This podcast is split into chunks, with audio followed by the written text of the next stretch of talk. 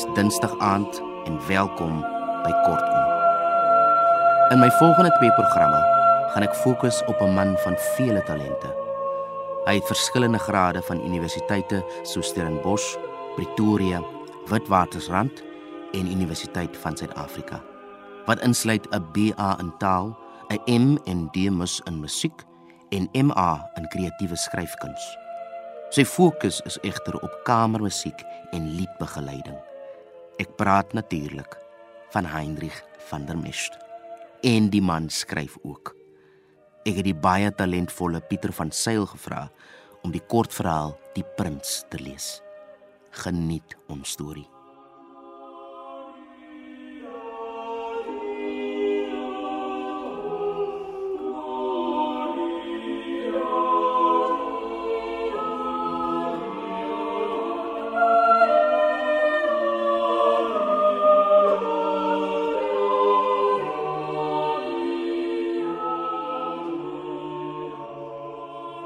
Dis Mariana wat eendag gesê het ek moet Avila toe gaan.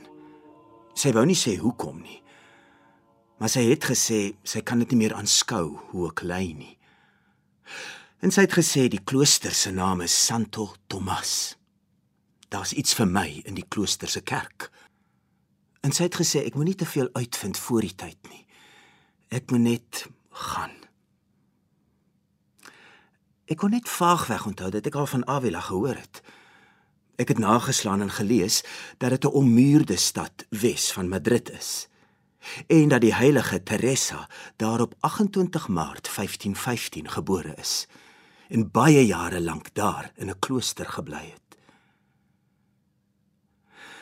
Ek het geweet dat Mariana nog altyd my en Johannes se belange op die hart gedra het.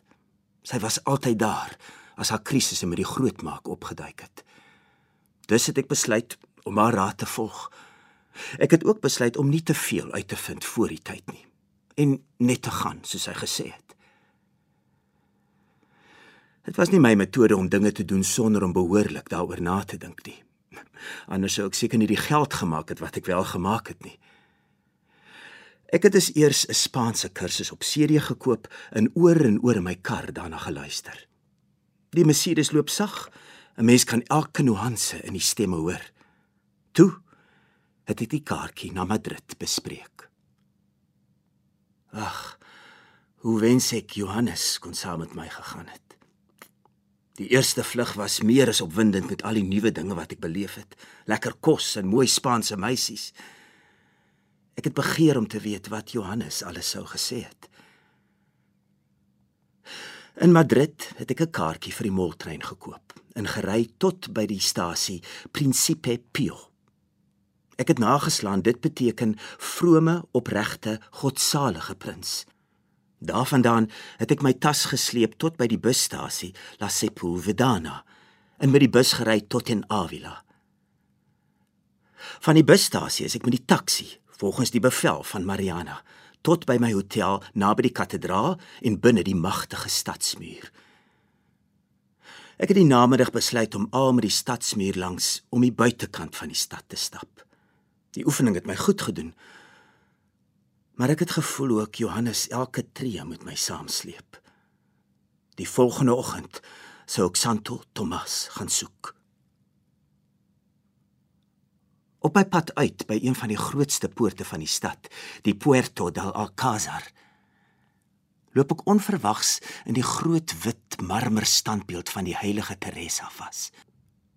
Daar sit sy met groot tevredenheid en rustigheid oor haar gesig terwyl sy ver in die verskiet kyk asof alle aardse kwellings van haar gestroop is.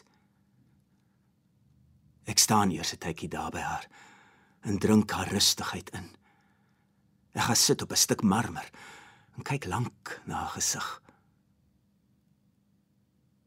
Toe begin ek met die kaart loop oor die Plaza de Santa Teresa in die rigting van Santa Tomas seker byna 'n kilometer verder. Op 28 Maart is dit lekker koel. Cool. By 'n klein parkie sien ek bloeiende bome met nuwe pink en wit bloeisels. En op die gras wip daar vier pikkende kraaie. One for sorrow, two for joy, three for a letter, four for a boy.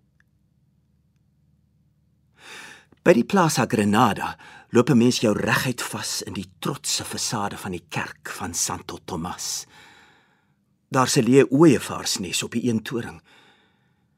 Teen die eystertralies wat die kerkgrond van die straat skei, is daar vyf vars doodsberigte opgeplak. Descans en pas.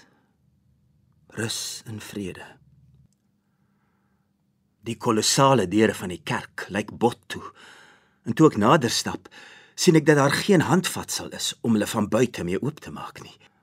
Die magtige houtpoorte is beslaan met 'n 100 eysterrosette in die vorm van krone. Daar's geen manier om hier in te gaan nie. Ek loop buite om die kant van die kloosterkompleks, al met die hoë muur langs, en kry toevallig daar 'n la oop deurtjie. 'n Oop deur beteken dat 'n mens mag ingaan, het Johannes altyd gesê. Ek loop by die deur in en kom in 'n nou gangetjie. Hier besluit ek om regs te draai en aanhou loop.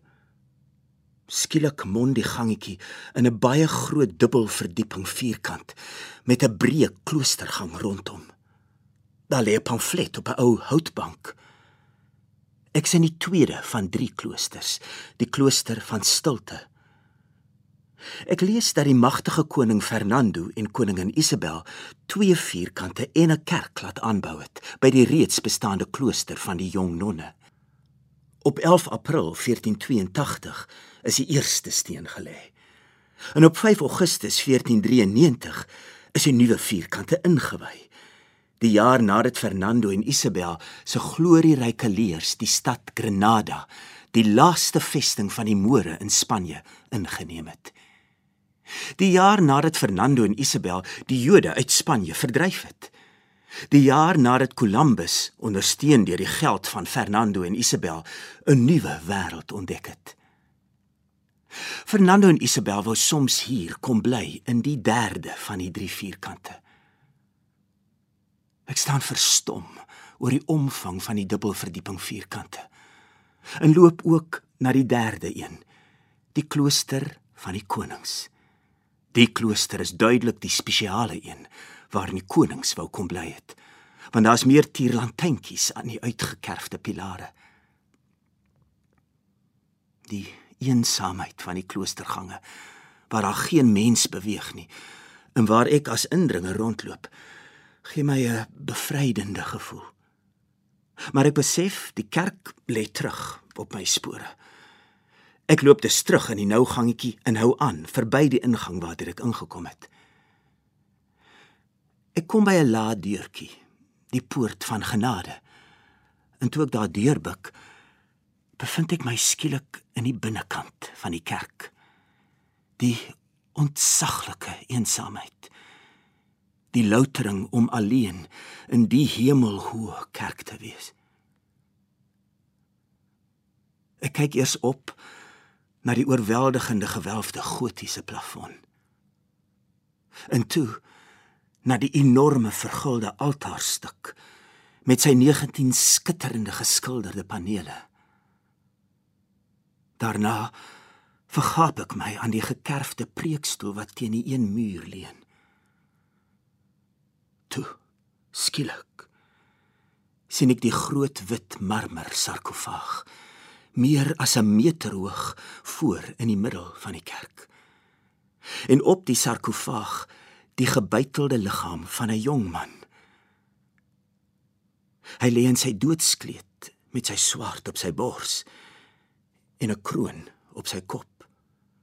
En sy twee kosbare hande met sy trouring aan die regterduim is gevou in aanbidding bo op die swaard. Sy twee marmer handskoene lê weerskante van hom waar iemand dit toevallig neergesit het. Sy gesig straal van tevredenheid en rustigheid. Ek tel die pamflet op en lees dat die magtige Fernando en Isabel maar net een seun gehad het. Net een. Die seun wat al hulle skatte sou erf. Die hele Spanje met al sy burge en paleise en al die kosbarehede van die nuwe wêreld. Hier staan dit uitgebuitel. Juan, prins van al die Spanjes, gevul met goedheid en kennis, diep liefgehad deur sy ouers en sy vaderland. Maar prins Juan is op 4 Oktober 1497 dood. Hy het maar net geleef vir 19 jaar, 3 maande en 6 dae. En nou lê hy hier in die paleis wat sy pa en sy ma vir hom opgerig het sodat hy eendag die vreugde daarvan sou beleef. Ek staan lank voor die sarkofaag. En ek voel hoe die gat in my hart begin heel word. Hoe die stuk wat uitgeruk is begin toegroei. Ek sien die prins. Ek sien sy rus. Ek sien sy kosbare hande gevou oor sy bors. Ek sien dit. Ek weet dit. Ek sien dit alles. Ek sien dat dit te laat is. Ek sien dat sy handskoene nooit weer aangetrek sal word nie, dat dit alles verby is, versteen tot marmer. Ek sien die prins is dood. Die prins is dood. Ek sien al die trane, trane van Isabel. Ek sien al die trane, trane, trane van Fernando. Ek sien dat dit nie te laat is nie.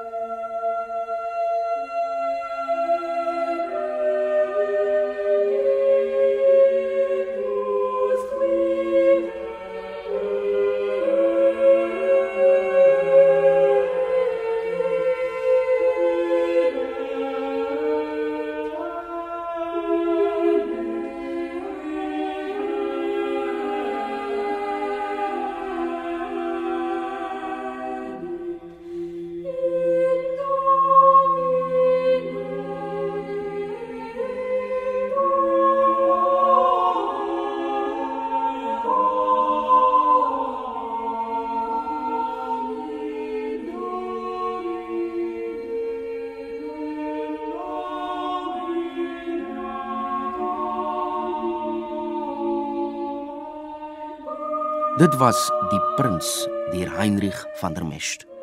Hierdie verhaal was deel van sy voorlegging vir sy MA in kreatiewe skryfkuns. Van sy verhale is in kortverhaalbundels opgeneem, as ook in literêre tydskrifte en boeke vir skoolgebruik. Dankie Pieter van Sail vir die voorlesing en dankie Heinrich vir hierdie storie. Ek is Dien Bali en soos altyd, laat dit juig en veilig bly.